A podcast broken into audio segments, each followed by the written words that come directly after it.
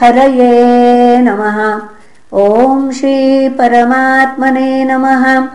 श्रीमद्भागवते महापुराणे पारमहंस्यां संहितायाम् षष्ठस्कन्धे एकोनविंशोऽध्यायः।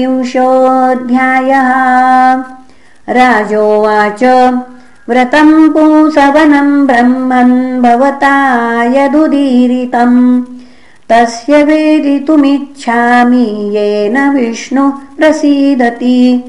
श्रीशुक उवाच शुक्ले मार्गशिरे पक्षे योषिद्भर्तुरनुज्ञयाम्। आरभेत् व्रतमिदम् सार्वकामिकमादितः।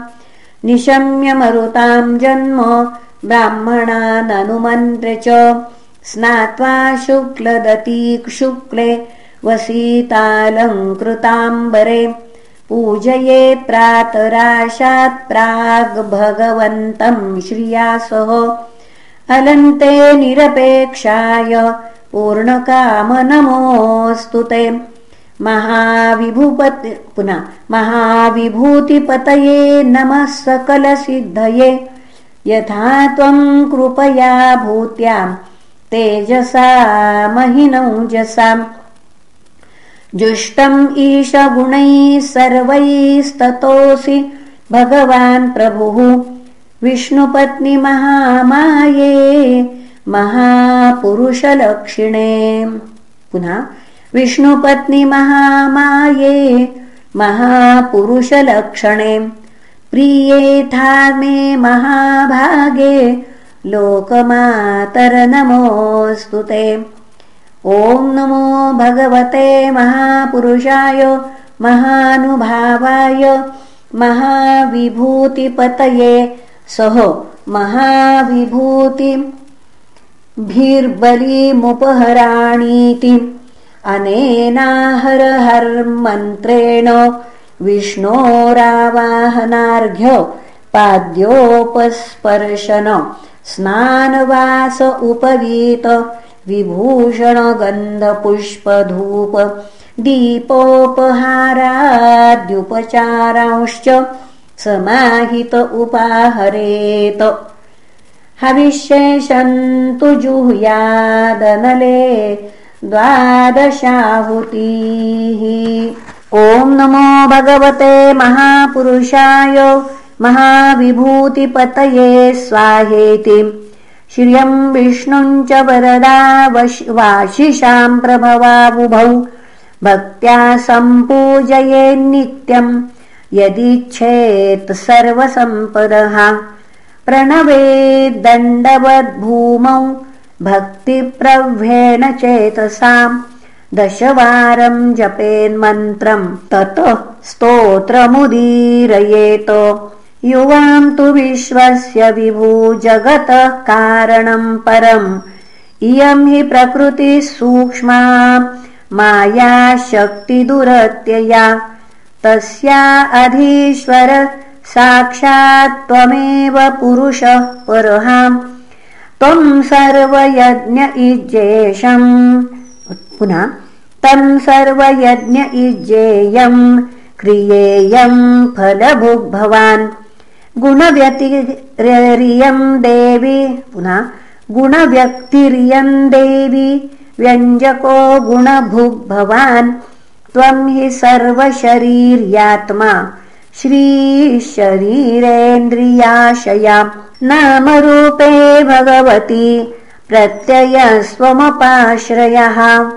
यथा युवाम् त्रिलोकस्य वरदौ परमेष्ठिनौ तथाम उत्तमश्लोको सन्तु सत्या महाशिषः इत्यभिष्ठूय वरदम् श्रीनिवासम् श्रिया सह तन्निस्सार्योपहरणम् दत्त्वा च मनमर्चयेत्।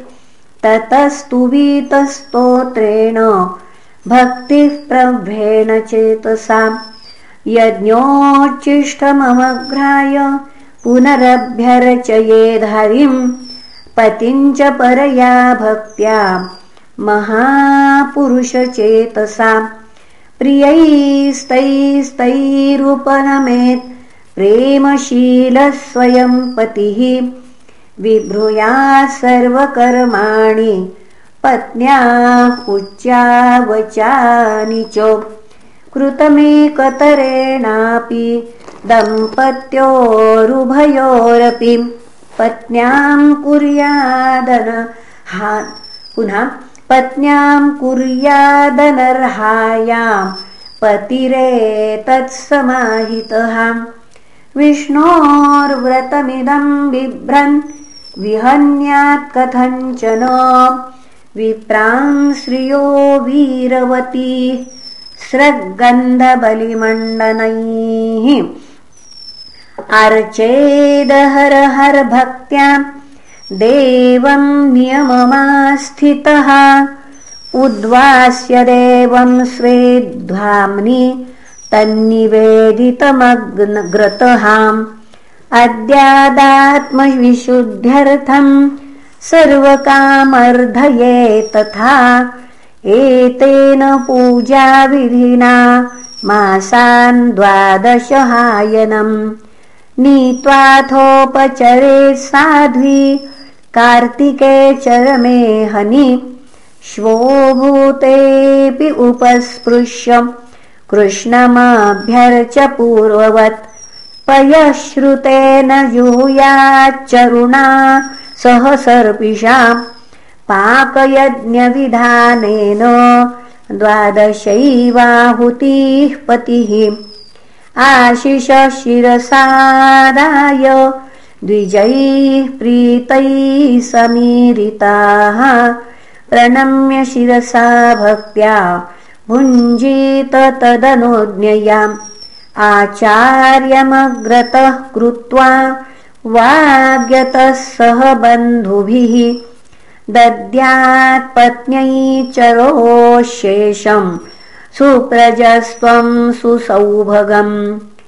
एतच्चरित्वा विधिवद्वतं विभो रभीप्सितार्थम् लभते पुमानिहोम् स्त्रीत्वेतदास्थाय लभेत सौभगम् श्रियं प्रजां जीवपतिं यशो गृहम् कन्या च विन्देत समग्रलक्षणम् वरं त्ववीराहत किल्बिषागतिम्।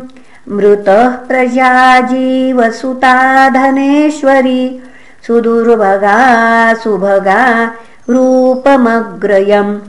विन्देत विरूपा विरुजा विमुच्यते य आमयावीन्द्रिय कल्पदेहम् एतत्पठन्नभ्युदये च कर्म न्यनन्ततृप्तिः पितृदेवतानाम्। तुष्टा प्रयच्छन्ति समस्तकामान्। होमावसाने हुतभुः श्रीर्हरिश्च राजन्महन्मरुताम् जन्म पुण्यम् दितेर्व्रतम् चाभिहितम् महत्ते। इति श्रीमद्भागवते महापुराणे वैयासिक्याम् अष्टादशसाहस्र्याम् पारमहंस्याम् संहितायाम् षष्ठस्कन्धे पुंसवनव्रतकथनम् नामैकोनविंशोऽध्यायः। श्रीकृष्णार्पणमस्तु। हरये नमः हरये नमः हरये नमः। इति षष्ठस्कन्धसमाप्तः। हरिः ॐ तत्सत् श्रीकृष्णार्पणमस्तु